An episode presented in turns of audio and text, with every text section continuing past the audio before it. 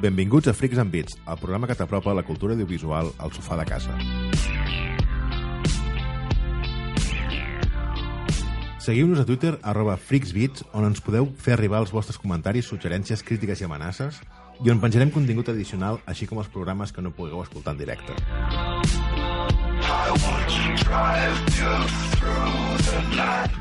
Avui al programa som Pau Sabés, Hola, bon dia.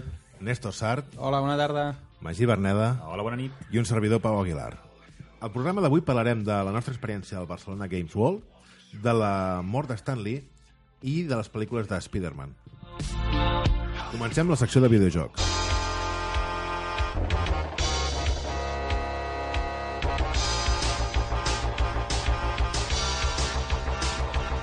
Bé, Magí, què et va semblar el Barcelona Games World? Bé, eh, com no sé si, si no ho sabíeu, el Barcelona Games World és una fira de videojocs que va arribar aquí a Barcelona des de feia 4 anys. Eh, ha passat a ser una, si no la que més, de les més importants a, a nivell espanyol.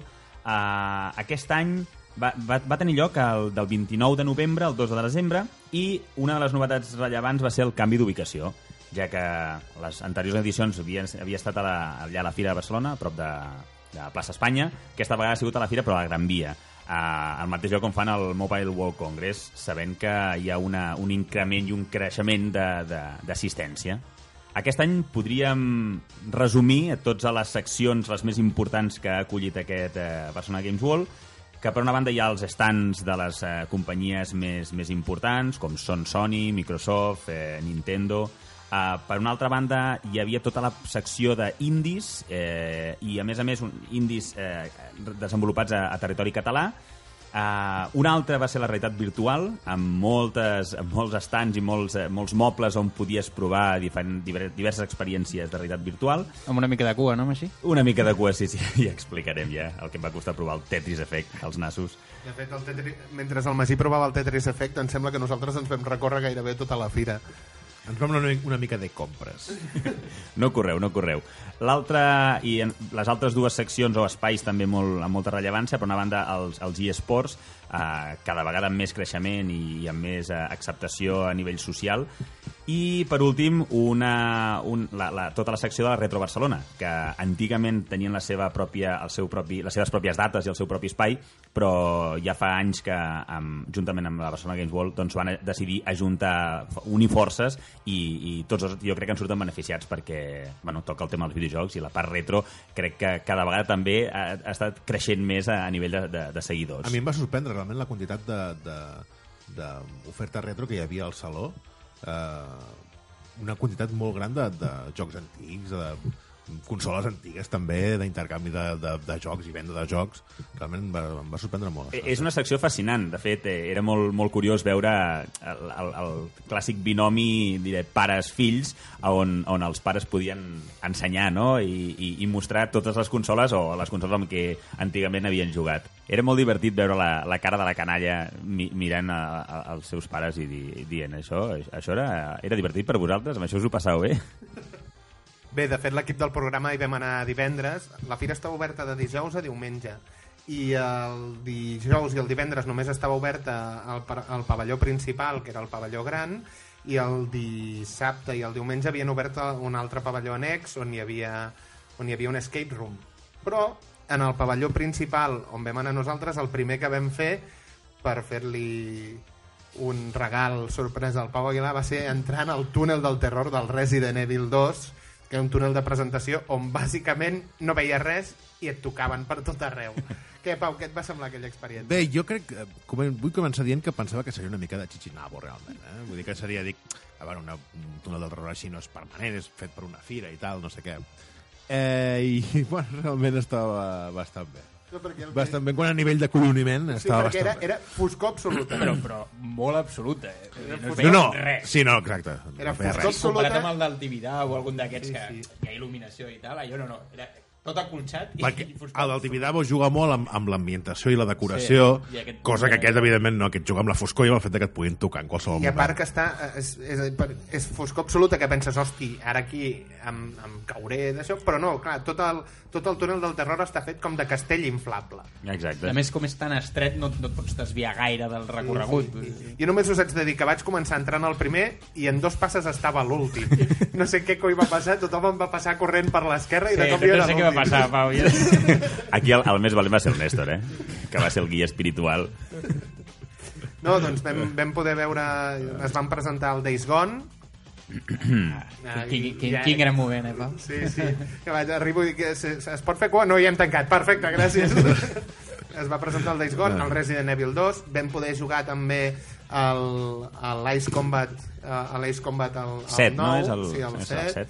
El Magí va poder fer cua durant molta estona pel Virtual Tetris. Què tal l'experiència, A Magí? veure, no, jo la veritat és que em feia molta il·lusió provar la, les ulleres de realitat virtual de, de Sony perquè no les havia provat encara i sóc molt fan amb tot el món i accessoris, videojocs i de més, però uh, sempre he estat molt reticent a comprar ac uh, tenir accés a les ulleres de realitat virtual perquè sé que serà un trasto que el tindré allà, al, o sigui, ho provaré una, unes hores de joc i després quedarà, quedarà allà al, al racó, al costat del sofà, a, acumulant pols. Ja, jo estic amb tu. Jo les he provat, també. Les he provat a casa d'un amic que les té. Que te les regalin, fantàstic. Però és que amb el preu que estan, realment, ara... Mm, i, I el poc desenvolupat que tenen tots els jocs... És a dir, hi ha molt pocs jocs, i els jocs que hi han... Bueno, i el Resident Evil, el Resident Evil 7, jugar-lo amb aquestes ulleres... Ha de ser terrible, Jo eh? he jugat la demo, la demo que hi havia, i amb les ulleres era eh, una experiència molt claustrofòbica. Però crec que encara els hi falta molt recorregut pel preu que tenen, perquè tenen un preu que gairebé és d'una Play. Sí, sí, de fet, Que era 200 euros. El Sí, preu sí, de- el, va baixar eh, per, per època de Black Friday sí que van a tenir un preu d'això de 199, 200, cap als 200 euros, però sí, és que això és el que costa Són una Play. vull dir que- 250, depèn d'on... Sí, s'ha de reconèixer que la sensació d'immersió la, la, ho té, perquè clar, estàs, bueno, la vista no, no se t'escapa res més, no Però pots és- apartar la vista. Perquè és cascos i ulleres, és a dir, estàs Exacte. sensorialment privat. Diguem El que passa és que dins de la realitat virtual potser el Tetris hagués sigut l'últim joc que hagués Clar. pensat jo. A mi és el que em grinyola de tot plegat. jo, jo us he de dir, per una banda, el, els jocs que... La gent que ha provat molts dels jocs que hi ha en, en realitat virtual eh, diuen que sí que la sensació d'immersió la té, però el que sí que vaig constatar, ho vaig constatar amb el Tetris, i ara en parlarem del Tetris, però és que la, la, la pantalla d'aquestes... Té una pantalla OLED, la, les pròpies ulleres de realitat virtual de Sony, que dius, ostres, bé, però tot i així es veu pitjor. O sigui, avui dia jo crec que hem arribat a un nivell de qualitat gràfica amb les teles que quan veus aquesta alta definició, l'HD, els 1080, tot això, ara, ara poses unes ulleres que sí que la sensació d'immersió és una, està molt bé, però per, perds qualitat gràfica, I, directament. I ara que avancem cap, al- cap al 4K i tot això. Exacte, o sigui, que t'estàs allunyant. Sí que és cert que el, eh, la part positiva que tenen aquestes ulleres de realitat virtual de, de Sony és que són, tot i que tenen aquest preu que esteu comentant, eh, són les més assequibles amb molta diferència comparades amb les que són per PC. Les Oculus Rift, totes aquestes, la HTC Vive, aquestes se'n van a cap als 600, 700 i necessiten un ordinador d'uns 2.000 euros per poder moure bé els, els jocs que volen moure. I, I es nota diferència per això entre la de Sony i les d'ordinador a nivell... O sigui, eh, l'increment de preu eh, Sí, és la, justificat? la, la gent que les ha provat eh, amb dues o, la, o els, les, els tres models eh, diuen que sí, que clarament es nota la diferència, la qualitat, de fet això que comentava d'aquesta menor qualitat gràfica que tenen les de, les de Sony, les altes de, de les altres marques sí que aconsegueixen una, una alta definició. Sí, inclús el lag aquest, el, quan mous el cap cap a la dreta, el, el, el petit decalatge de microsegons que triga la pantalla en moure's cap a la dreta, eh, això amb totes les d'ordinador ho processen tot molt més ràpid i fa que et maregis menys, perquè un dels problemes que tenen aquestes eh, ulles de realitat virtual és que jugant, la gent que ha jugat moltes hores doncs diu que al cap de dues, dues, tres, ja et mareges. O sigui, una, les llargues viciades a les que alguns d'aquesta taula són, molt fans de fer de tant en tant, amb ulleres de realitat virtual seria, seria impossible. I jo crec que estan molt condicionats a un tipus de joc. I ara, Potser, potser també és la clau aquella que sempre sol venir allò que posa aquells missatges de la, la, la l'epilèpsia no sé què i no juguis més de no sé quantes hores. L'epilèpsia fotosensible. Exacte. Ah, en aquest cas tindria sentit. En Ja, en dues hores estàs out, vull dir, si no... I, I ara, si em pregunteu per què el Tetris, no? Dius, en sèrio, un joc de realitat virtual i vas fer cua? De fet, no- sort que em veu estar acompanyant, el- us, em, us aneu creuant amb mi, el Néstor em va fer molta companyia, però, però per, per fer cua, perquè sí, realment, crec que deixant massa temps per jugar. Jo només volia provar-lo, a mi em deixes dos minutets i ja em faig la idea. Uh, Ho, el, diu, ho diu el que en un minut ja el volien fotre fora perquè ja sabia... és que va, vaig palmar, no sabia com fer caure ràpidament les fitxes. Ja, ja compartirem algun vídeo de xarxes. El tema, el tema és que havia sentit molt bones crítiques d'aquest joc. Del Tetris, Effect, de fet, ara, novetat per vosaltres, ja el tinc, me l'he comprat, no, oh! no he pogut evitar-ho. I us he de dir que, sense realitat virtual, però amb cascos, és un joc brutal, brutal, en sèrio. És el Tetris. Mm, Sí i no. Està ple de petits detalls i el que sabeu que també soc molt fan dels jocs musicals és un joc que combina molt bé eh, tot el que està passant en pantalla, com jugues, el que fas, amb el que estàs escoltant. És, és una sensació molt curiosa perquè sí, jugues al Tetris, però cada X segons van passant coses, la, ja us dic, la música és procedural, o sigui, a mesura que jugues se sent d'una manera... Eh, no, és meravellós, meravellós. La, la, ho haureu de provar. Eh, jo, el que sí que em va donar sensació, almenys quan et vaig eh, quan veure jugar, perquè vaig tenir que esperar perquè volia veure Gràcies. realitat virtual Tetris, vull dir, que era aquella passió per, per un Tetris, però eh, que, que la velocitat augmentava rapidíssim.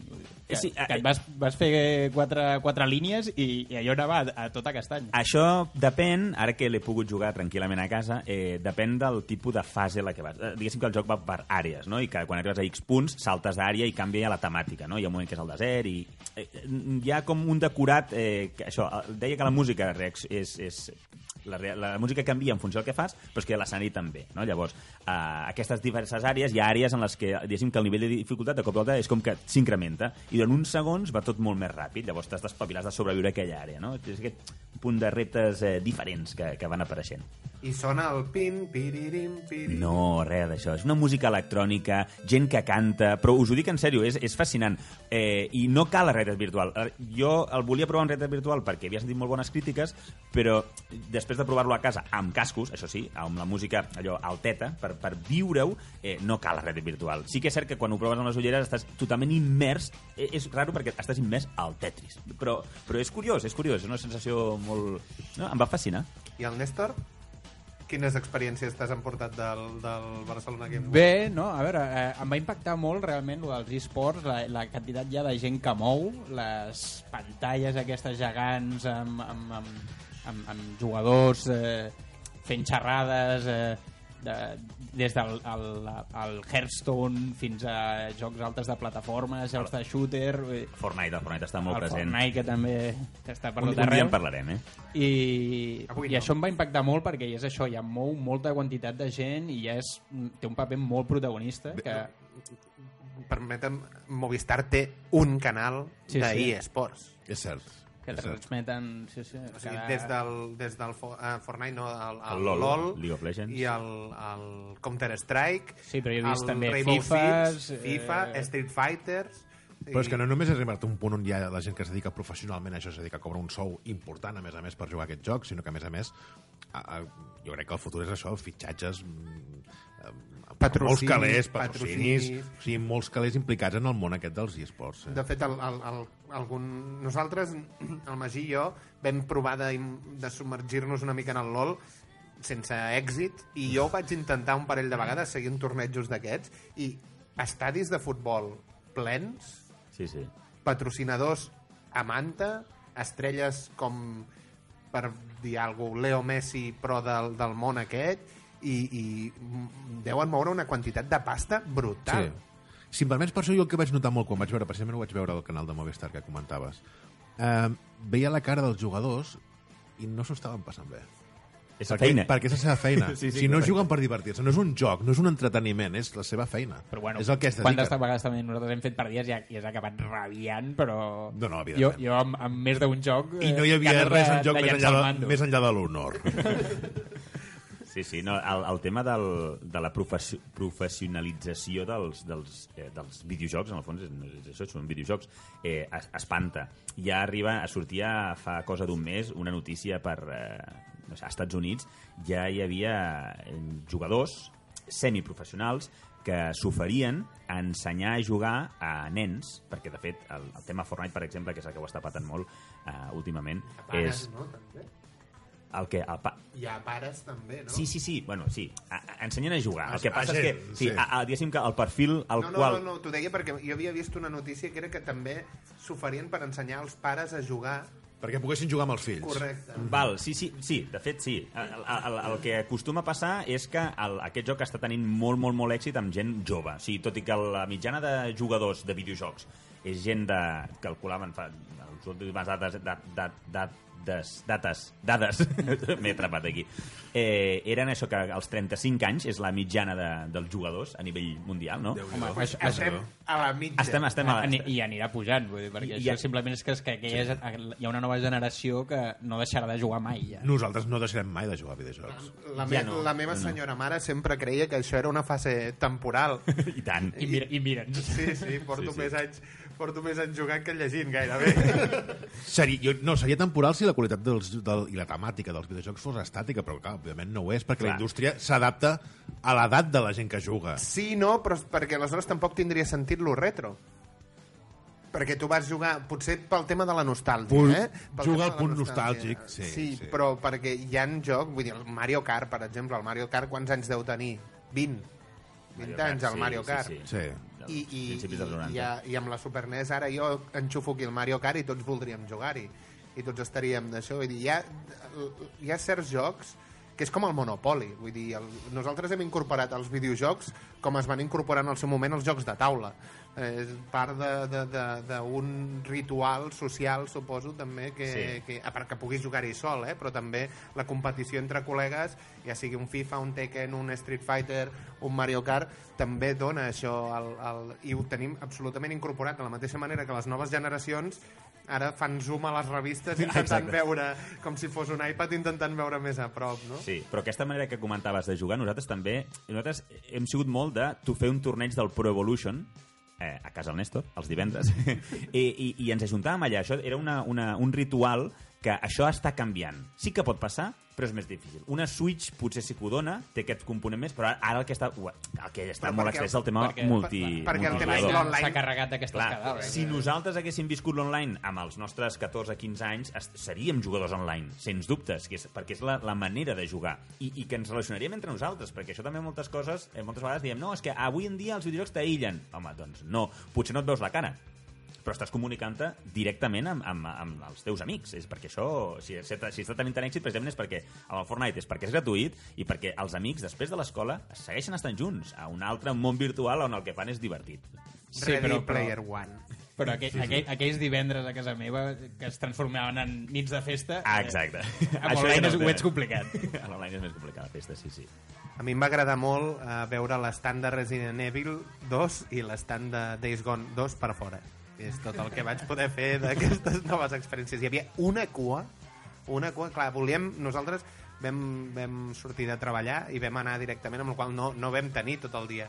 I volíem veure tot el saló, amb el qual vam fer una passadeta ràpida mentre el Magí jugava, eh, jugava, feia cua en el Virtual Tetris aquest però les cues eren molt grans i em va saber molt de greu no poder provar el futur eh, 8.6 del Days Gone que per cert he estat llegint del Resident Evil 2 crítiques molt bèsties, eh? molt fines, De positives. positives. És que aquest joc que també és dels que Està apuntant, apunta molt alt. És, eh, em sembla, el 23 de gener, 25, 25. de gener. 25 de gener. I... i uh, Tenim ganes de tornar a Raccoon City, Pau. Tenim ganes. no, que ja estic, estic que no, no puc esperar, no puc esperar. No entenc per què no l'han tret per Nadal, maldita. Sí. Jo crec que a partir del 25 de gener la teva millor amiga serà una llanterna. Sí, sí, diuen que té un paper importantíssim en aquest joc, eh? I que, així com en el de Play U, no... la sensació de terror no hi era. No, sí, crec jo també ho he sentit, que és molt terrorífic. que, clar, és que jo, després de jugar al 7, el qual encara no m'he passat perquè em costa jugar-lo directament, el, aquest, aquest, si, han, si han agafat idees, és que amb la il·luminació, les cares dels zombis, els zooms que fan en, en tan bon punt un, un zombi t'ataca. És, és, és espectacular. Aquí hauríem de parlar, remake o reboot? Aquest és remake. És, Remake totalment. no, Remake o remaster? Eh, No, remaster segur que no. Segur que no, perquè realment Re- i segur reboot, en el moment en què introdueixen eh, No, hi ha un o canvi de guió. alteren la història. És que hi ha canvi Ah, de guió Sí, sí, molt sí, sí. gran. Algun canvi. Jo crec que... No, però he sentit que eliminen certes coses i afegeixen certes noves. Quan fas això ja... ja Però no li pots dir reboot. Però el Resident Evil 1, el que és el suposat remastered per Play 4, en què canvien els leakers per als nous bitxos aquests llangardaix, és un remake o és un reboot? No és un reboot. Reboot és, és, és donar-li un nou aire a la saga. O sigui, és, és, és re, Clar, és agafar re, arrencar de i- nou, és, agafo l'icona del protagonista, el que sigui, i el contextualitzo diferent. No perquè fas un petit canvi d'uns enemics, i jo no ho considero no, reboot. vale, eh? però aleshores el, el Resident 2, si hi ha un canvi de guió substancial, podria arribar a ser un reboot. Jo crec que hi té masses coses en comú, com que són els mateixos personatges en el mateix, en el mateix escenari, en les mateixes eh, localitza, segueix sent localitzacions. el primer dia de feina del Leon a, Sí, sí, sí. a la policia de Raccoon City. Clar, però aquí entraríem, per exemple, a un debat que ja tindrem més endavant, perquè ja ho tenim pensat tenir-lo, però, per exemple, Star Trek de JJ Abrams. Eh, Star Trek de JJ Abrams, la pel·lícula, la primera, la del 2009. Star Trek eh, té una línia temporal eh, que ve des de les sèries, després ve per les pel·lícules, després ve la Star Trek del Picard, tal. El JJ Abrams, perquè ningú li pogués dir res, al minut 1 minut 1 de la pel·lícula es carga aquesta línia temporal i a partir d'aquí comença una nova, una nova línia temporal de Star Trek on, com que ja no pot passar el que havia passat durant totes les sèries, ell s'ho carrega. Eh, Ell, ell reinventa la història amb els mateixos I és per aquest personatges. motiu que hi ha molts trequis que això no li perdonen. Sí, sí, però... Perquè realment no segueix el cànon de Star Trek. Però són els mateixos personatges... I- Això sí, sí, sí. Però I, això- a, però i a això- més em dóna la sensació que ha evolucionat bastant millor, bueno, ara potser amb les últimes Star Wars, però que, que les pel·lis noves que s'han fet de Star Trek que és una millor evolució que la que es va fer inicialment. És que l'Abrams el que és realment és un fan de Star Wars, no de Star Trek. Aquí és on el ha la- Kurzman, em sembla, que és el que és molt fan, el que és el seu soci, que és productor. Un dels dos, el, el, el, el Abrams és el de Star Wars i l'altre és el de Star Trek. Però bueno, que igualment totes les pel·lis d'Abrams juguen amb el temps. És a dir, hi ha salts temporals, Perdidos. Perdidos és l'exemple més clar. L'Abrams juga moltíssim amb el temps. Super 8 juga també amb el joc, té aquest punt... O sigui, I ell juga molt amb això i és un recurs brutal per explicar la història que vols explicar sense tenir la xepa darrere de no, ha de ser així, no, ha de ser allà. Però en aquest cas, precisament, jo crec I que... tornant al Resident Evil, és, són els mateixos personatges, la història passa a Raccoon City perquè ha de passar a Raccoon City, però si el guió és totalment diferent... però no serà totalment diferent. Vull, vull pensar, amb el que s'ha vist hi haurà el, cocodril de les, de, les, eh, de les clavegueres, tot, o sigui, hi haurà tantes coses tan iguals al primer, iguals, canviaran òbviament, no?, perquè les han refet des de, des de zero, però seguirà la mateixa línia. O sigui, en el cas del de Star, Trek, de Star Trek que comentaves, sí que ho veig clarament un reboot. Perquè, sí, tens els mateixos personatges, però s'ha muntat... JJ va tenir la idea de, de tocar aquest tema del temps i és una molt bona excusa per dir, bueno, puc fer el que vulgui ara. No? Bueno, no, és, és igual, sent reboot, remaster, re, re, Ho sigui, ho dir, Sí, ho petarà, serà molt gran. pinta. Això segur. I tu, Pau, què? Pau Aguilar. Jo, jo mm, us he de dir que sort que hi vam anar di- divendres perquè vaig veure les notícies com estava dissabte i diumenge i creieu-me que les cues que van fer són res al comparat del que hi havia al cap Jo, jo fa molts anys que amb salons del manga, salons del còmic i Barcelona Games World tinc clar que el dissabte, que és, diuen que és al dia, Sí. però com a gran perquè també hi ha les xerrades més interessants, venen els desenvolupadors, venen els, el, les, les eh, eh, com es diu, celebrities, no? Celebrities, Sí, sí, sí. eh, Vaig veure un munt de youtubers. Clar, clar, clar. Un munt de youtubers. però sens dubte fa molt que sé que el divendres és el, és el nostre dia. És, sí, sí, sí, sí. No, perquè és que a més és, és fa llàstima anar-hi i jugar a tres jocs perquè, clar, t'has de clavar unes cues espectaculars i has de ser molt selectiu amb el que, amb el que jugues. Llavors, Sí. és l'única llàstima d'això. No? Jo crec que amb, amb la mida de l'espai de, de, de la fira, tot, tot, tots els metres quadrats que tenien, eh, eh, sempre em sap greu que no posin no sé, el doble. És tan difícil posar el doble de... A Sony no li costa res posar un stand. O sigui, en comptes del que hi havia a Red Dead Virtual, doncs fes dos o tres, tres vegades el que hi ha. Exacte, O sigui, ho exacte. veig... Mo... No sé, de vegades ho fan com... Que sí, que queda molt, un espais molt diàfans, molt, com molt... Oh, que guai, no? Però és poc pràctic. Mm, Crec que allà la clau és que tothom pugui provar-los tots. Seria fantàstic. Elimina el taxi de la secció de Spider-Man, perquè la secció de Spider-Man tenia un taxi, tenia un no sé què, treus el taxi i poses més consoles, per exemple. Tenia un O- taxi, volem dir que tenia un taxi de... real, vaja. Sí, sí, un taxi, Sí. un taxi. Era un taxi de Nova York, allà al mig del, del, de l'estat. Sí, un cotxe d'una d'una tona al mig de la, de, de, del saló. Però tot i així ja sobrava espai per tot arreu, o sigui que... Totalment, totalment. Sí, sí, sí. Pau Aguilar, què més, què més, amb què més et quedes del, de la Barcelona Games World? Jo em quedo amb l'apartat de, de compres que vaig fer, que no és, no és molt extens. És, vaig comprar uh, The Division per uh, 5 euros, crec que era al final. bé, sí, sí. 5 Cinc euros, euros. 5 euros, sí, sí, sí, sí, sí. Perquè Tenia... ara just te l'has comprat just perquè d'aquí 3 mesos, 4 mesos surt el nou de Division, o sigui, just perquè li agafis el gustet i en... I mira que és un joc que quan van sortir vídeos, quan va, quan va sortir el joc, em va agradar molt i mai me'l vaig acabar de comprar i bé, estava, estava d'oferta i sí, sí. Ah, va- Vam estar discutint perquè el The Division hi ha gent que no li agrada The Division perquè The Division és més arcade i en canvi el, el Ghost Recon que és també de la mateixa família de Tom Clancy el Ghost Recon és un joc de per fer-ho pla un, quan li dispares al cap mates a la gent i l'altre necessites 20 trets per matar-lo sigui, de realista, més, més, l'altre és més rol, té un component més de... no, més treure- arcade, més arcade és el tema aquest de- uh, que els enemics tenen una barra te'ls has d'anar carregant. I el Gorricon no, el Gorricon és més realista com deies tu, i més infiltració pot arribar a ser més infiltració. I ara ja han sortit nous vídeos ja del, del nou joc que en aquest passarà a Washington DC i ja li vaig estar fent una miqueta de Pepito Grillo al, al Pau i el vaig estar convencent perquè se l'agafés i a part perquè jo sóc capaç de borrar-me el personatge o sigui, començar des de zero i crear un altre personatge per tornar a jugar a la història perquè em va encantar Sí, la història del primer està bé. De Jo aquest joc el recordo sobretot perquè era un dels jocs on va patir un downgrade, downgrade més, més acusat. Down- Downgrade, pels que no estigueu amb el tema... explica, explica bé, vam veure, vam veure el tràiler Uh, clar, el trailer del primer The Division potser remunta a 4 anys enrere fàcilment, eh? Uh, un, que, un que comença amb, amb Nova York, nevat... Eh, No, sí, però aquest és el, sí, el trailer teaser que començava uh, uh, amb, amb un pis que tu vas veient sense gent que es va desmuntant, però el tema, el, que primer deies tu era el, game, el gameplay. El primer gameplay que ja veiem de com es, movi, com es veia aquell joc quan hi jugaves, gràficament era Era brutal, era brutal, o sigui, sí. A més, les cobertures eren cotxes, els, els trets que anaves rebent eh, anaven rebentant el cotxe, però si, li, si hi havia tres trets al vidre, quedaven els tres trets al vidre, o sigui, era espectacular. Les portes que es anaven obrint i tancant en funció de si passaves a prop d'ells. A veure, això després hi va ser, però d'aquella manera. O sigui, es va notar molt la baixada de qualitat, i això ho fa moltes vegades, que quan presenten un joc utilitzen uns, uns ordinadors d'ultimíssima generació que després quan arriba a consola que consoles ja són una mica més limitades però l'ordinador que ha de moure el millor ordinador del moment ja no, no és capaç, o sigui, el que està a la venda en el públic, el millor ordinador ja no, no t'ho mou com ho veies amb aquell tràiler això va ser, va ser una mica greu tot i així és un joc que ho vam passar bastant, molt bé, bastant bé jugant, a més això, ho fa, ho fa molt divertit jugant en, en, colla. en equip, en equip, sí, sí. Però mira, una de les coses d'aquestes el, el Aliens Marines Coloniales, que és una de les meves taques negres a l'expedient, la, la demo era brutal i el joc era una xusta.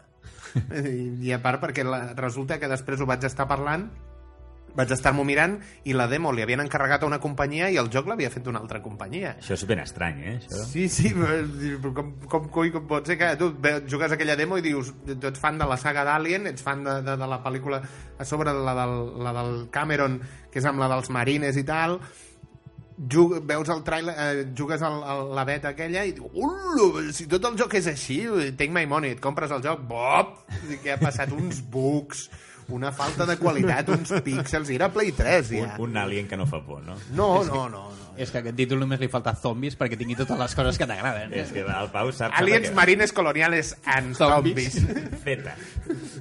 No, no, no. Alien. Alien. No, però era, era...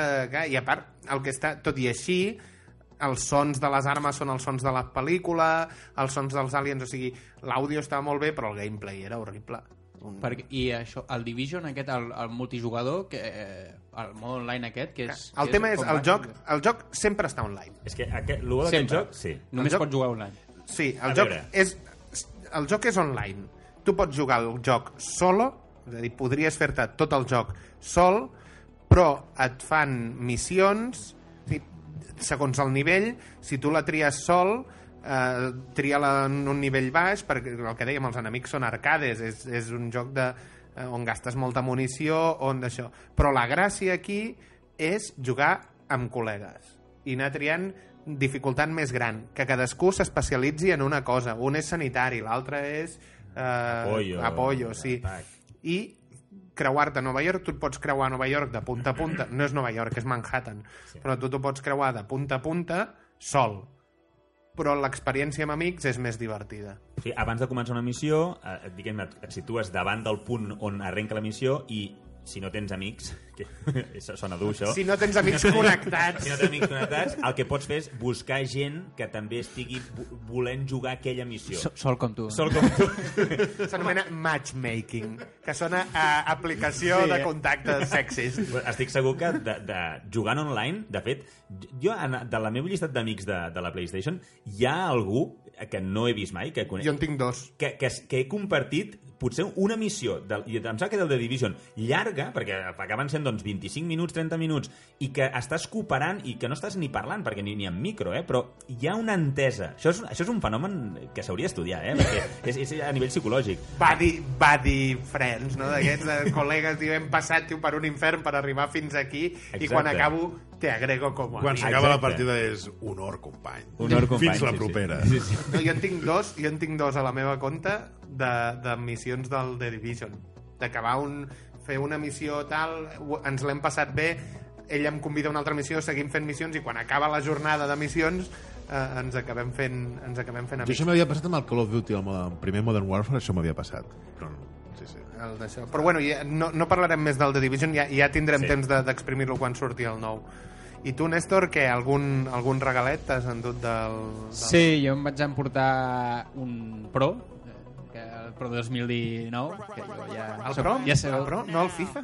Evidentment, el Pro eh, sempre ha sigut sempre Pro, tot i que he de dir que, que fa mal als ulls veure totes aquelles samarretes dels equips sense les llicències, El, però, el London Blue. sí, sí, però és que a la Juve no li hem posat ni, la- ni les ratlles. Vull dir, és samarreta blanca amb dos ratlles als ombros negres i ja està. Vull dir, I com es no... diu?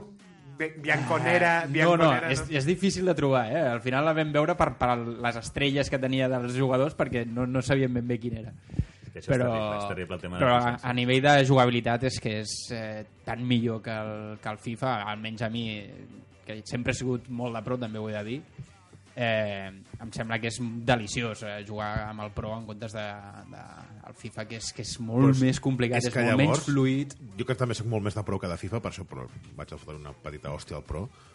O sigui, han pitjorat en el tema de llicències, perquè fa no gaires anys... Sí, sí. De, o sigui, em sembla que només era la Premier que no tenia llicència, però la resta de lligues, bueno, excepte la, la, la Bundesliga tampoc en tenia, però la Lliga Espanyola, la Lliga Italiana... És que tenien la Champions durant un Exacte, temps. I exacte. llavors tenien, com a Fins mínim, fa- equips principals tenien molt, molts equips. La Lliga Espanyola, Ara quan han de destacar primera- que tenen la Lliga belga i la Lliga... Eredivisie. no sé què més... La, eh, les engrunes. sí, és que la cosa està molt malament. Fins fa dos anys tenien la Champions. encara. Ah. Sí. Sí, que jo li I donava- a Espanya, primera i segona divisió, estaven els equips sencers amb els seus escuts, amb els seus... I jo havia portat al centre d'esport Sabadell. Correcte, correcte, sí. Sí, sí, Sí, sí. sí, però amb això sí, sí, al FIFA sempre li ha passat la mà per la cara al Pro, Clar. però bueno, eh, pel que he llegit eh, hi ha, hi ha una, un parche d'aquests que tu pots fer i que et queden tot, tot eh, totes les equipacions ben fetes, s'ho han currat i ho han deixat tot, tot, tot ben finet. El, el gaudiràs, aleshores el gaudiràs de debò. Sí, sí, perquè ara realment vull dir, veure la Juve amb aquella samarreta o alguns equips Però tot i així tenia, ulls. tenia el seu, el seu charming, tio, tenia el Froibat. Tio. Però eh, eh, sí, quan ho feien... Clar, és que ara té els noms reals, però els equips no, vull dir. Però quan ja res era real, doncs mira, ja era... vull dir, Fem-ho fem a, a A l'oest. veure si ha sobreviscut el... Com, com era el Castolo? No, però Sí, encara no he començat una Liga Màster, però, però Fes-ho. estic amb ganes. Fes-ho, fes-ho i digue'ns si Però em sembla, em sembla que no hi ha l'equip predefinit aquest inicial. Que Castolo- el que fas és que agafes els mateixos equips, simplement que pots agafar o els eh, equips originals simplement i dir, pues, agafo el Barça i començo i, i és el Barça. També hi ha una altra modalitat que és agafo el Barça, són el Barça, però tots els jugadors tenen una mitja mm, de- d'equip de, de segona divisió, per dir-ho d'una manera. Tots són 60-63. Make Barça great Però again. amb els noms, amb els noms, eh, Noms, noms del Barça, sí. noms reals. Ostres. que veure Messi amb 60 deu ser algú bastant dolorós. Però la màgia... Jo veus, si em dius que aquest joc és el típic joc que si uh, me'l trobo per 19... De, Bueno, jo el vaig 20 comprar per, euros, per 20, vull dir, Sí, tenir un descompte i tal, però... però... però aquest joc sempre, sempre crec que sempre va bé tenir un joc de futbol actualitzat a, a la teva ludoteca per si ven gent a casa, amics sí. i de més i tinc, fan tinc un dubte. Jo tinc el, el 2018 i el 2017. Les actualitzacions m'actualitzarien fins ara, els equips? És a dir, el Barça, per exemple, tindria Coutinho, Dembélé... Jo no ho crec. Doncs jo, Jo crec diria que sí. Com que això dels, dels parcs... Però les oficials del joc, voleu dir? No, no, no, no, No, és no, que... que Ah, t'actualitzen ah, ah, puntuacions i Vale, el, que, vale, traspassos vale, vale. que hi hagi hagut. I això ho ha fet algú... Però fins quants anys? No, no, jo, jo Pau, et dir, diria que segurament encara hi ha gent que ho fa amb, amb jocs, eh, o sigui, amb versions del Pro més antigues, són el 2019. No, però, però l'oficial, saps allò que tu, col·lec- tu poses el joc i hi ha una actualització i tal? Els mateixos del Pro t'actualitzarien el, el joc Jo fins no a crec, això, No, no, no, no, no, no, això no, no. Ah, aquestes actualitzacions potser han millorat alguna cosa d'aquella versió, o sigui, d'aquell, de l'edició del 2018. Per tant, amb el, 2010, el 2016 encara tindria, per exemple, el Sabadell a segona. Sí, sí, sí. Sí, sí, això no ho canvien, això, aquestes coses no les toquen. Alguna cosa més a afegir, nois? No. Crec que hem fet una bona repassada, no? Doncs fins aquí la nostra experiència al Barcelona Games World d'aquest any i a veure si podem tornar l'any el proper any. Esperem que sí. I ara passem a la secció de cinema.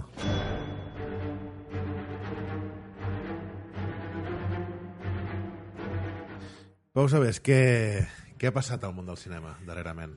Doncs, eh, com, com ja has anunciat al principi del programa, eh, el 12 de novembre del 2018 ens va deixar Stan Lee. Farem una petita fitxa ràpida. Stan Lee, que en realitat es deia Stanley Martin Lieber, que eh, va entrar a treballar per l'editorial Timely Comics el 1940 i va fer el seu debut com a guionista. Ell volia ser novel·lista, va fer el seu el debut com a guionista amb una historieta del Capità Amèrica i on la va signar com a Stan Lee, perquè ell realment volia ser escriptor i aleshores com a pseudònim va posar Stan Lee, perquè com que ell es deia Stanley feia el joc de paraules.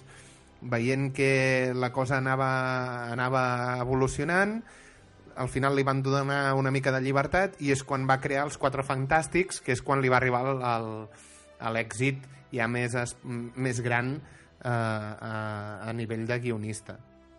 És el pare de Spider-Man, X-Men, Iron Man, Els Quatre Fantàstics, Avengers, Thor, Doctor Strange, Daredevil, Hulk, Black Panther, Nick Fury, o sigui, tot, tot Marvel, gairebé tot Marvel, està basat en coses d'ell. I, com a així detallet característic, molts dels seus personatges tenen nom i cognom amb la mateixa lletra. Com, per exemple, Peter Parker, Bruce Banner, Matt Murdock, Stephen Strange, Susan Storm, Pepper Potts, tots són personatges que tenen la mateixa lletra en, en nom i cognom. Aleshores, eh, ens centrarem més en Spider-Man perquè és un personatge icònic, donat que ara fa poc ha sortit el videojoc de Spider-Man, que ara s'està preparant Spider-Man eh, Far From Home amb el Tom Holland i que està estrenant-se ja a l'Spider-Man Multiverse i és el personatge potser més famós de l'Stan Lee eh, parlarem de les pel·lícules de Spider-Man. Què tenim de les pel·lícules de Spider-Man? Així més modernes, la primera Spider-Man 1 del 2002 del Sam Raimi, protagonitzada pel Tobey Maguire. El, ma el mateix equip, Sam Raimi i Tobey Maguire, faran Spider-Man 2 i Spider-Man 3, 2004 i 2007 respectivament.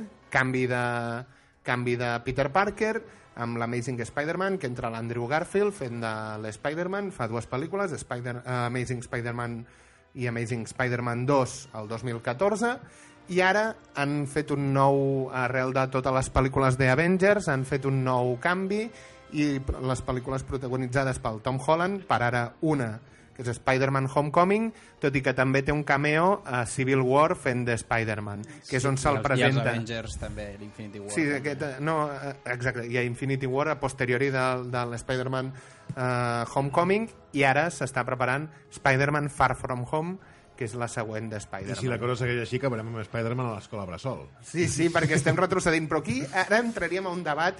Hi ha diverses coses que hauríem de parlar, per exemple, de coses del Homecoming, com pot ser que la tieta May vale que la Marissa Tomei mm, és una actriu i es mereix això, però no pot ser que la tieta May sigui un pibon i que l'Iron Man li estigui tirant la, la canya a la tieta May quan la tieta May és una dona entranyable, tio, vídua de l'oncle Ben. Però si de fet la sèrie de dibuixos no era, un, era una, una àvia. És, Només és una Era una una àvia. És, Veus, Pau? Això és un rebut. però, però en, o sigui, tampoc tenia molt sentit que la tieta May fos una àvia. Vull dir, se suposa que és la seva tieta. Vull dir, la seva tieta no, tampoc té sentit que sigui un avi. Vull dir, No. si, és el, o sigui, si és de la mateixa quinta o semblant quinta que els seus de pares, fet, hauria, no. hauria de ser... però és la germana gran. O Sí, però gran, germà però què? Es porten 20 anys. Però és que ara l'Spider-Man sembla que en tingui 14 o 15. Però és que el Peter Parker comença a l'institut. Quan el Peter Parker és mossegat per una aranya, comença a l'institut. Aleshores, quadra molt més que el Tom Holland, que té més cara d'adolescent, faci un Peter Parker inicial, que no el Tobey Maguire, tio, que ja le grisé al mentón i ja, i ja té d'això, que faci més de Spider-Man. L'Andrew Garfield seria un altre prototip de, Spider de Peter teenager. Parker correcte, perquè sí que flirteja una miqueta amb el teenager. és que, a veure, Tobey Maguire falla per tot arreu. Vinga, A veure, vinga. a veure, molt bé, que comenci, que comenci el circ. L- Comença l'homenatge. És a dir, la, pri el primer Spider-Man... la del- Esmoleu les eines. El primer Spider-Man, la del Tobey Maguire, el Sam Raimi, amb el William Dafoe fent de Duende Verde, eh, no estava malament del tot, tot i que la vaig veure fa poc ja perquè ens anàvem a preparar el programa i ha envellit molt malament. Els Per, per què?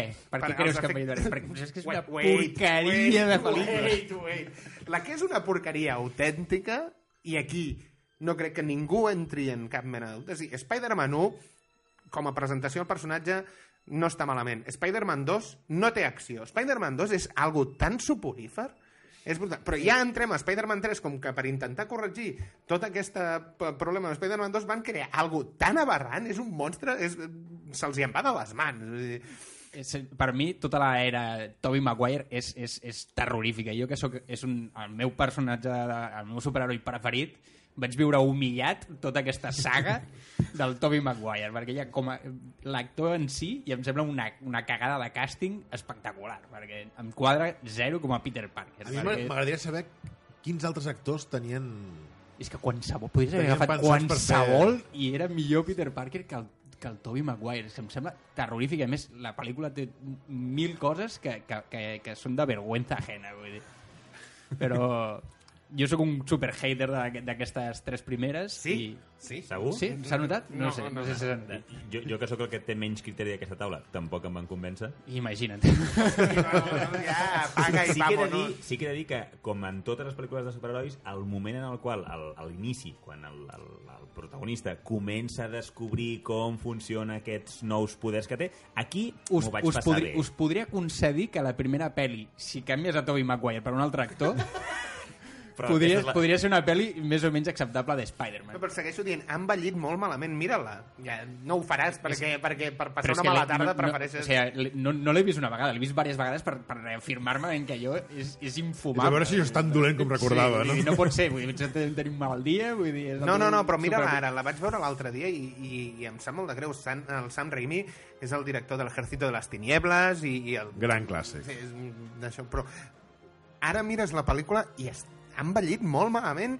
Hi han planos que, que ja no saps si ell està gravant una paròdia, ja directament ja s'ho pren, s'ho pren a cachondeo. I estic parlant de la 1. La 3, en el moment en què el Peter Parker és, és posseït pel simbionte, és, és, és, és, però...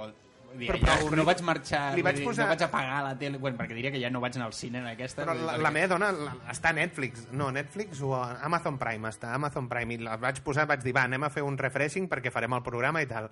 La meva dona es va haver d'aixecar al sofà en el moment en, en el que es, es va comprar el traje negre Però perquè és amb el una espècie d'emo afeminat, raríssim, vull dir, que, que, que, que intenta ser un, un malote però que és ridícul en tot moment i fa uns bailoteos... Un... Recordeu-me un momentet, en la, la segona és el, on hi ha Octavius. el de Sandman, Octopus. Octopus, i la de Sandman, La tercera. tercera. La primera pel·lícula és Duende Verde. Sí, és sí, aquesta la tinc molt present, molt. La primera el pel·lícula és Duende Verde. Gènesis del personatge, Uh, Que amb, que amb el William Dafoe, que és un molt bon actor, que li posessin el traje aquell també de Duende Verde, De, de, de Power Ranger. A mi això és el que em va fallar amb, unes molt. ull, amb, amb els ulls aquells rodonets que se li obren i se li tanquen. Eh, allò... Això és molt Quina ridícul. vergonya. Molt Però ridícul. segur que així m'estic imaginant algú molt cutre, jo que no he vist la, aquesta pel·lícula, m'estic imaginant algú... Bueno, Imagina- pensa que és una a, a, a, a l'extrem. Imagina't, no, però és una superproducció, o sigui, pensa que es van Sí, guanyar no, no, clar. molts diners en aquestes pel·lícules. L'únic que salvaria d'això és la banda sonora del Danny Elfman, que és Bueno, és que molt bon tema. sí, sí. Que El, el tema és... Imagina't el- el- l'Osborn, el, el Norman Osborn, té tot de, tot de màscares rituals africanes, perquè d'això, i en té una que veus que canta com una almeja, que és la que utilitzarà després per fer de Duende Verde, que és algú, que, com ha dit el Magí, No, no. una màscara de Power Ranger. Estaria bé que tot és una mica de pols, no? O sigui, aquesta totalment neta. Neta. No, és terrible, és terrible. És que fa molta vergonya, fa molta vergonya. I, I després també té... Ara no sé si és la primera o la segona, però que també la, està la, la Mary Jane allà posada en unes telaranyes que veus clarament que allò són cables, vull dir que està asseguda sobre uns cables que se suposa que és la telaranya de... La, és la segona. Però clar, estem parlant de... El primer dolent, el primer dolent és el, el, el, la primera pel·lícula, el William Dafoe, com hem dit, que fa de Duende Verde. Amb un James Franco fent de, del fill del, del Harry Osborn, la Claire Dance fent de, fent de Mary Jane. A la segona pel·lícula eh, s'enfronta al- a l'Octavius Octopus que el fa l'Alfred Molina. Vull dir, són actors que són... Són actors de, de molt de pes. Eh? Sí. Però, vull dir, en la segona també hi ha, hi ha l'escena en què eh, Spider-Man va pel campus de la universitat i se li cauen uns papers i li comencen a dar cops de bolso dir, a, a un superheroi que suposa que té sentit aràcnid i una agilitat brutal i li estan donant cops de bolso perquè se li han caigut uns papers vull dir, al mig de la facultat. No, i, i haig de dir i haig de dir una altra cosa que amb, tu va, vas fer el comentari i ara te'l trepitjaré pues es nota que l'Spider-Man va més estona sense màscara que amb màscara perquè van ser incapaços de fer una màscara que reflexés el que pensava i el que sentia No, perquè clar, l'Spider-Man. tenia, té els ulls aquells que són immòbils total, perquè són aquelles ulleres Oakley de fa 30 anys, vull dir, i, i, i clar, vull dir, allò és impossible que tingués cap expressivitat al personatge. Quan, als còmics i tot això, tota la part de, dels ulls que s'obrin, que tal, li dona molta vida al personatge, i clar, vull dir, aquells ulls estàtics total, vull dir, pues, clar, vull dir, com si tinguessin un action man, vull dir, Un Madelman d'aquest. Fracutre. Mm. que això, bueno, a la del Garfield tampoc no ho van arreglar. L'únic- que ho han aconseguit és amb la de, amb la del amb amb Tom la- Holland. Tom que- Holland.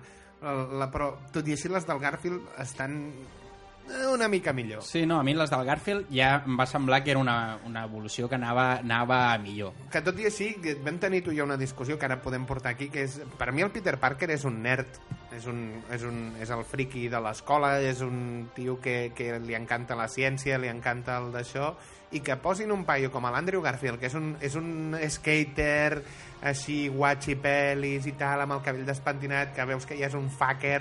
No, no, no, no, no em quadra Però, com a però personatge de sí que Peter el, Parker. el, el personatge original... Eh, eh, a veure, era, sí que és un tio que és, que és un apassionat de la ciència, que, però jo no el considero un nerd d'aquests de un, un loser de, del col·le de que això sí, però està Perquè- enamorat de la Mary Jane, de la, o sigui, la Mary Jane realment el seu primer amor és la secretària del JJ després està amb la, amb la Stacy, la Gwen Stacy Sí. i tal, i la Mary Jane acaba sent la que és la dona amb la que es casarà posterior i tal i qual i ells sempre l'han mirat perquè és la filla de la millor amiga de la tia May i sempre l'han mirat i és aquell el, el, el punt aquest però de, per de... ser, perquè era la veïna tal, Sí. jo entenc que sí fa com una transició de ser un nen més friki a un adolescent vull dir que clar, el punxen i llavors eh, d'això en sis, llavors es... però és això, es lliga a la Mary Jane i es lliga també a la a la, a la, que, sí, a la, a la, que és la sí. jefa d'animadores també de, se suposa a l'institut i que els americans la jefa de les animadores és com el símbol que tu plantejat així és un fucker, però tot això ho fa quan agafa confiança sent Spider-Man. Però llavors a Amazing Spider-Man torna a sortir la creació del, del, del Sí. superheroi, tornen a fer... Excepte les del Tom Holland, Sí. excepte les del Tom Holland, es, eh, es veu... És, és a dir, al pobre Batman li han matat els pares tantes vegades com a l'Spider-Man li ha mossegat una aranya I cada el tiet. cop. I el, ti, i, i, Sí. el tiet Ben també, Palma, sempre és... El, el, el, el, a, a cada nova, a, a cada nova formació de Spider-Man veus la nova creació de l'aranya. O sigui, del, com el mossega, com... El que passa, eh, les, per exemple, el Tobey Maguire és inici i tota la, totes les tres pel·lis jugant a, a aquesta línia de que és mm, humor dolent amb, amb, amb, amb història de Spider-Man. La, les del Garfield, per això, són, són molt més fosques. Sí. Les dues del, del, del Garfield són molt més fosques, recreen molt més en el personatge aquest atormentat i tal. I es centren molt en els pares, cosa que no es centrava tant al, al, al món del... del Sí, i amb la relació que té també amb la Emma Stones, que fa de... de Gwen, de Stacy, sí. i que es juguen molt a aquesta part així molt de teenager atormentat que en les del Tobey Maguire bueno, tens algun moment de llagrimetes amb cara de, de burro i, i De poca cosa més. restrenyiment. Hugh Grant. I el Tom, i el, i el Tom, Cara, cara Hugh Grant. i el Tom Hall, i amb les de Tom Holland, la nova del Homecoming, tornen una mica a una línia més més de més d'humor, bueno, més de la línia de tota aquesta la línia de Marvel Vengadores. noves que han fet, que és molt, molt xascarrillo i... Sí, no, i, i el que també, eh, que també és veritat és que la de Spider-Man Homecoming té molt més protagonisme. No, no molt més, no, òbviament, perquè és una pel·lícula de Spider-Man, però l'Iron Man Sí, té a mi és molta el que em presència. falla d'aquesta nova del Tom Holland, que massa protagonisme del, del, del Iron Man i de, Perquè ells de pretenen- l'Stark i del, del traje que li dona l'Stark de Spider-Man a... Perquè ells pretenen, ells agafen ja el, el que és una altra línia de... de ja no és, Spy, és Spider-Man, em sembla que és Amazing Spider-Man. És que clar, hi ha Sí. tantes línies de No, còmic. que- l'Amazing Spider-Man és la del el no, com a pel·lícula sí, com a còmic. Ah, com a còmic, perquè agafen tantes línies... eh, Ja, cada cop que canvia un guionista, el guionista agafa i, en i, una- i fa una història. I n'hi ha una d'elles que és que el, el, el Spider-Man ja... No sé si és Civil War, ara no ho recordo, però l'Spider-Man ja és apadrinat gairebé des del principi Sí, sí. per l'Iron Man que ja li fa els trajes directament. I, era el, el, I ells es centren més, suposo, en aquesta línia argumental, perquè no pot... Ja no té sentit tornar a fer com el pic a l'aranya, com el... Com el es converteix tot lo del tio Ben, ja, ho hem vist infinitat de vegades, cosa que el Nolan ens torna a fer passar uh, Batman versus Superman, per exemple, un altre cop, Martha Wayne, un altre cop... quina, quina pel·lícula també més terrorífica. Vull. Així com els de Marvel crec que han fet tot aquest univers, pots estar més o menys d'acord amb tot aquest entrellaçat de pel·lícules i tal, Ostres, la Lliga, el, el Batman Superman amb, amb Ben Affleck de Batman. És que d'entrada el, el concepte Batman versus Superman no, no té raó de ser. No, no, és, si estem parlant d'un superheroi que no té cap mena de, de superpoder, que és simplement un home amb, amb diners i temps. Té el poder, I té el poder de caix. I, i un home vull dir que, sí, sí, o sigui, bu, bufant pot matar el Batman quan vulgui. Per tant, Però no, saps per què no es maten? Perquè les dues mares es deien Marta. Per això no es maten. És, és, és així així. L'altre es, es aconsegueix un, una mica de kriptonita, tio, i, i, i aleshores debilita el Batman lo. Ai, el, el Superman lo suficient com per poder-li donar un parell de collejas i que l'altre s'acolloni. O sigui, eh, va, us proposo una cosa. Proper programa parlem una miqueta de Batman, perquè... El farem. Molt bé. Però, però a, a, hi ha un programa de Batman que s'està Sí, cuidant. sí, però tornem, tornem a, a, a, a la teva crítica totalment neutral sobre Spider-Man. uh, doncs el que dèiem, aleshores, uh, uh, les pel·lícules... Coses que grinyolaven molt de les pel·lícules, per exemple, del Tobey Maguire. Uh, A part del Tobey Maguire. el llançador de telaranyes. Sí. El- Eh, una ja, del- ja, que- el Tobey Maguire no té, se suposa que ho genera ell solet. Que, que jo, ara aquí... I els còmics què diuen d'això? No, No, no. La versió oficial... La versió oficial quina té és? un llançador de telaranyes. O sigui, no les crea ell. No, no, crea no, ell. ho ha creat... O sigui, ell crea el gadget per tirar les. Exacte. I de Però fet, no les genera No, biològicament. no, les, no les No, però és que sí. ejacula. No, no, és que a la, a la, primera, a la primera pel·li aquesta que se suposa que és la que es salva de, del Tom Holland, vull dir, està, està, està tenint petites col·lisions sin recorregudes, tio, vull dir que va, va, va, va agafant una bandeja i un no sé què, i... No, però això no és del Tom Holland, és la del Tobey Dic Maguire. de Tom- Tobey Maguire. Sí, el, el tema és que des de... hi ha dues coses, i i aquí ja la meva dona va fer un comentari, que de fet a la sèrie segueix, que és per què s'atura aquí la seva evolució com a Spider-Man? És a dir, t'ha picat una aranya, has fet aquest canvi genètic, i hi havia un punt en el còmic en el que l'Spider-Man li sortien dos braços més i havia d'intentar trobar un equilibri entre el- entre l'Spider-Man... O sigui, no acabar-se convertint en una aranya de debò. Era el, el Com el. Cristiano Ronaldo. Correcte, en el FIFA. El buc. I el- i l'altre és el... Uh, ja, una pregunta que tenia jo és què ha de menjar l'Spider-Man a nivell de proteïnes per generar aquestes taranyines? Que té molt més sentit que ell es creï l'aparell i tot això que no, i que, les té- ejaculi I que té directament. sentit amb tot el tema aquest de que és un científic, que, Ah, i- que és un inventor... Els recursos i, la, i, la, i el coco, no? La, Que... Sí, sí, la sí, té ment molt més sentit això. amb tot. Vull dir que...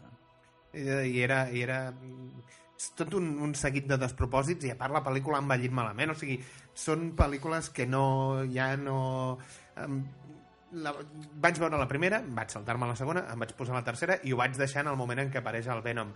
Que pel que es veu la pel·lícula del Tom Hardy, em sap greu, no l'he vista, no puc opinar, però té, no aquell l'he Venom vista, té no. molt més bona pinta té molt més bona pinta i s'assembla molt més al que havia fet el, el McFarlane i a, a tota aquesta gent que no pas el, el, el del paper del Topher Grace que és... Oh, Jo, jo tampoc l'he vist a la Venom, però ha rebut molts pals, no? Aquesta, Sí, aquesta Però perquè- sentit que havia rebut... que, bast- el, el problema és que Venom no hem parlat tampoc uh, no parlem aquí de la pel·lícula de Venom perquè no l'ha vist ningú No, no hem de veure aquesta. i perquè està basat en el Venom com a Venom ja saga directament, no Sí. com a Venom Nemesis part de de, de, de l'Spider-Man.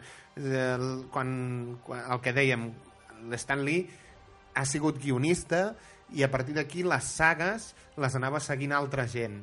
Aleshores, el, el, em sembla que era el Mark Fairlane ara potser em criticareu molt perquè, però jo juraria que era ell qui l'agafa sortint de Spawn agafa uh, Venom i creen i comencen a crear la línia de Venom paral·lela on, on ell és més un antiheroi que és capaç de... Fa, fa el bé, però el fa el bé de manera maligna. És a dir, no, hi ha un atracador, no li importa arrencar-li el cap a l'atracador. I es basen més en aquesta línia eh, argumental, agafant un, un, un, un personatge molt característic de la saga de Spider-Man, perquè Venom i Spider-Man tenen molta, molta dualitat i és un nèmesis molt bo, agafen aquest personatge i n'extreuen i fan una línia.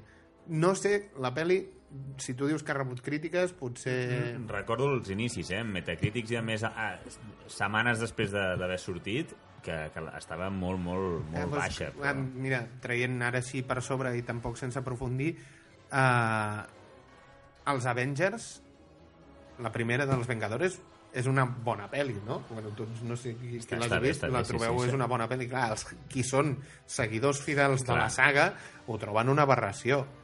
I el mateix passa amb si tu t'has llegit un còmic de... Clar, això- No, mira, tu, que tu que ets fan de Lobo, ara trauran una sèrie sobre Lobo. El, bueno, de fet, a la, a, la, a la sèrie Krypton sortirà el personatge de Lobo. Clar, tu has llegit el còmic, vas allà, veus això... Jo recordo també amb A la Triste, que jo havia llegit molt els llibres, vaig anar a veure la pel·li i vaig pensar, Jesus! Però perquè van marxar, em sembla que eren 5 llibres en Sí, un. en, un, en una pel·lícula, ah, sí. Això és in, Eh, impossible d'aquest que si ets molt fan, suposo que això, el tema és no puc opinar perquè tampoc he vist la pel·li i com a pel·lícula no sé, no sé com és. Clar, aquí, aquí suposo que tots hauríem de parlar o opinar d'una pel·lícula. Primer, o sigui, no, és impossible, però seria bo veure-la sense saber res dels còmics i, a, i veure-la sabent dels còmics. És a dir, A veure, sempre eh, eh, ja, ja és, és com una mica el dels videojocs. Dir, No, les adaptacions eh, sem mai són fidels 100% fidels. Llavors sempre hi haurà el que, el que pretén que sigui una, una fidelitat absoluta i jo crec que això és complicat, perquè a més cada un li, dona, li vol donar una mica la seva, Seu aire, no? seu aire. Mm, Jo crec que és un debat que sempre perdrà el qui vol una adaptació 100% fidel, però, però Sí, sí, s'ha de Sí, ser, sí, està clar, està que ha de- hem de ser flexibles en aquest aspecte. Qui és molt seguidor d'una saga, a Mercè, avui us havia passat us havia passat la notícia avui de que es vol fer la, la pel·lícula del Metal Gear amb, un, amb el director de, de Skull Island, el, el John Boyd, que és molt col·lega del Hideo Kojima, i està clar que si tu ets molt seguidor de la pel·lícula, no, ai, de, del videojoc, no pots anar amb moltes esperances perquè si vas esperant alguna molt, molt, molt d'això, segur que t'emportes una segur que t'emportes una decepció o sigui, o sigui, si esperes algo molt fidel perquè no, és impossible que agradi a tothom. Aleshores s'ha de ser molt obert de mires. Però està clar que hi ha adaptacions que són tan free que, que s'ho passen tot per la pedra. Aquí la clau és que són eh, arts diferents. O sigui, és diferent a, a nivell un llibre que una pel·lícula que un videojoc i cada, cada, cada, Cada tipus, suport de- cada suport té el seu ritme, té... Eh, T'ho diré diferent. Tu que ets molt fan de Ready Player One, què tal et va semblar la pel·lícula? Que, o sigui, sí, jo m'ho vaig, o sigui, vaig passar bé, però eh, una frase que poques vegades l'heu escoltat a mi, que és m'agrada més el llibre. O sigui, jo de, de llibres i que després sempre de pel·lícules no n'havia llegit gaires i aquest, realment, el llibre, per mi, el llibre em va a- encantar, però al màxim. De fet, és un dels meus llibres preferits. I la pel·lícula, com a pel·lícula, bé, però no arriba a l'alçada del llibre. O sigui, jo amb el llibre vaig gaudir molt més. Però això també ho hem parlat alguna vegada amb el Néstor, que, que el, el ritme i els detalls que et dona un llibre no t'ho dona una Però és que pel·lícula. realment al món de l'entreteniment la, la màxima aquesta d'adaptar-se a un morir normalment, o sigui, molts cops no es dona perquè realment quan canvies una cosa que és canon amb una saga o amb el que sigui, corres el risc de caure un parany Sí, sí. de que als fans no els agradi. Clar, clar, clar, clar, clar. està clar. Bé, nois, no ens queda temps per més. Fins aquí el, el programa d'avui. Uh, moltes gràcies, Pau Sabés. Moltes gràcies, bon dia. Néstor Sart. Ja, ja no puc rajar més del Tobi? Uh, ja, Ja ja no. no. queda temps, ho sento. Magí Berneda Molt bona nit i gràcies. i un servidor, Pau Aguilar. Us recordo que si pel que sí no heu pogut escoltar el programa sencer o us heu incorporat tard, uh, arroba Freaks and Beats a Twitter, Freaksbeats, perdó, uh, podeu trobar tot el contingut que, que, que vulgueu. Fins la propera. I want to drive you through the night, down the hills. I gotta tell you something you don't want to hear. I'm gonna show you where it's dark, but have no fear.